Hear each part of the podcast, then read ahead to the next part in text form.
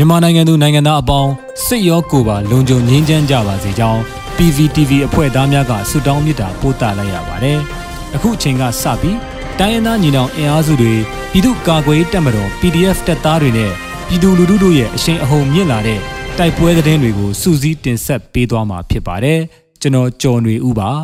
။ MCA လက်မှတ်ရေးထိုးထားတဲ့ ABSDF ចောင်းသားတပ်မတော်က စစ်ကောင်စီတပ်များကိုတိုက်ခိုက်နေပြီဟုဥက္ကဋ္ဌရဲဘော်တန်ကဲအတီးပြုတဲ့သတင်းကိုပထမဦးဆုံးတင်ဆက်မှာပါ။အကြမ်းဖက်စစ်ကောင်ဆောင်မင်းအွန်လိုင်းခေါင်းဆောင်တဲ့စစ်ကောင်စီတပ်များကိုတနိုင်ငံလုံးအပြစ်ခတ်ရဲစဲရေး NCA လက်မှတ်ရေးထိုးထားတဲ့မြန်မာနိုင်ငံလုံးဆိုင်ရာចောင်းသားများဒီမိုကရက်တစ်တပ်ဦး ABSDF တပ်ဖွဲ့ကတိုက်ခိုက်နေပြီဖြစ်ကြောင်း ABSDF ဥက္ကဋ္ဌရဲဘော်တန်ကဲကရန်ကုန်ခေတ်သစ်သတင်းဌာနကိုအတီးပြုပြောဆိုပါရယ်။တိုင်းသားလက်နက်ကိုင်တပ်ဖွဲ့များပြည်သူ့ကာကွယ်တပ်ဖွဲ့များနဲ့အတူ ABSDF ကစစ်ကောင်စီတပ်များကိုတိုက်ခိုက်တိုက်ပွဲဝင်လျက်ရှိကြောင်း ABSDF ဥက္ကဋ္ဌရဲဘော်တန်ခဲကပြောတာပါ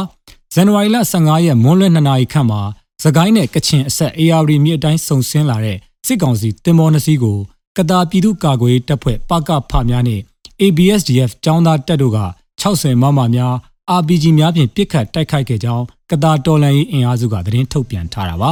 ABSDF ဟာရှစ်လေးလုံးအရေးတော်ပုံမှာတဆင့်ပေါက်ဖွာလာတဲ့ចောင်းသားတပ်မတော်တစ်ခုဖြစ်ပြီး1988ခုနှစ်နိုဝင်ဘာလ1ရက်နေ့မှာဖွဲ့စည်းခဲ့ကြောင်း လက်ရှိအချိန်မှာကချင်ပြည်နယ်နဲ့ကရင်ပြည်နယ်တို့မှာတပ်ရင်းတပ်ဖွဲ့များရှိနေပြီးတိုင်းဒေသလက်နက်ကိုင်တပ်ဖွဲ့များနဲ့အတူတိုက်ပွဲဝင်လျက်ရှိကြောင်းသိရှိရပါတယ်။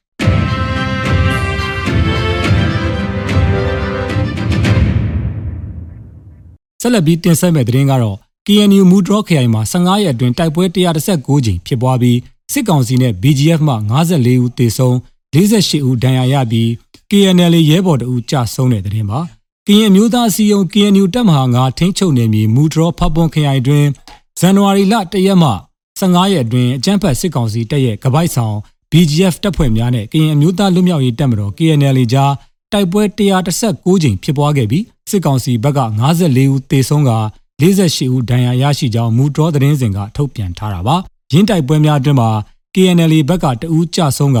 4ဦးဒဏ်ရာရရှိကြောင်းသိရှိရပါတယ်။ ဇန်နဝါရီလနှစ်ပတ်အတွင်းအကြမ်းဖက်စစ်ကောင်စီရဲ့စစ်ကား73စီးကို KNL ကဖျက်ဆီးနိုင်ခဲ့ကြောင်းမူဒရော့ခရိုင်ကမာမောင်းခွေးတင်တဲ့22မိုင်ကြားဒေသနဲ့လူသောဒေသများမှာအများပြည်သူလောက်ကင်စားတောက်နေရများသို့စစ်ကောင်စီမှလက်နက်ကြီးများဖြင့်86ကြိမ်ပစ်ခတ်ခဲ့သလိုလေကြောင်းမှတဆင့်ဘုံများဒုံးကျည်များဖြင့်10လုံးကန်ပစ်ခတ်တိုက်ခိုက်ခဲ့ကြောင်းစစ်ကောင်စီရဲ့လေကြောင်းတိုက်ခိုက်မှုကြောင့်အပြစ်မဲ့အရက်သား3ဦးသေဆုံးပြီး4ဦးဒဏ်ရာရကြောင်းမူဒရော့သတင်းစင်ကထုတ်ပြန်ထားပါတယ်။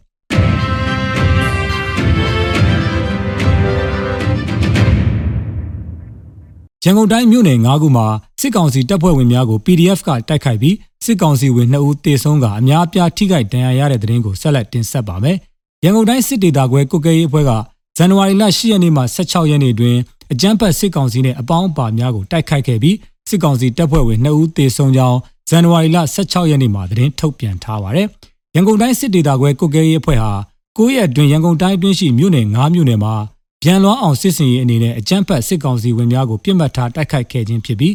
စစ်ကောင်စီရဲ့စီးပွားရေးတောက်တိုင်တစ်ခုဖြစ်တဲ့ထူး73စီအယောင်းဆိုင်တစ်ခုကိုလည်းဖောက်ခွဲနိုင်ခဲ့ကြောင်းထုတ်ပြန်ချက်မှာဖော်ပြထားပါတယ်။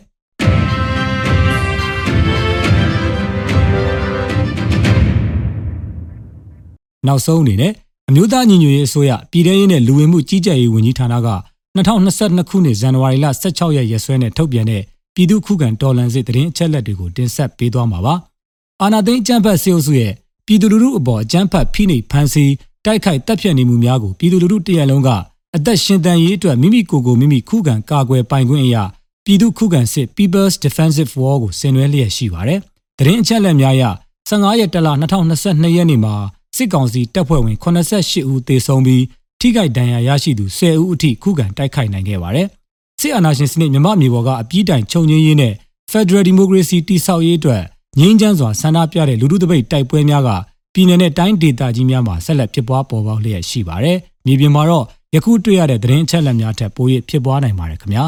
။ရေတော်ဘုံအောင်ရမည်ရေတော်ဘုံအောင်ရမည်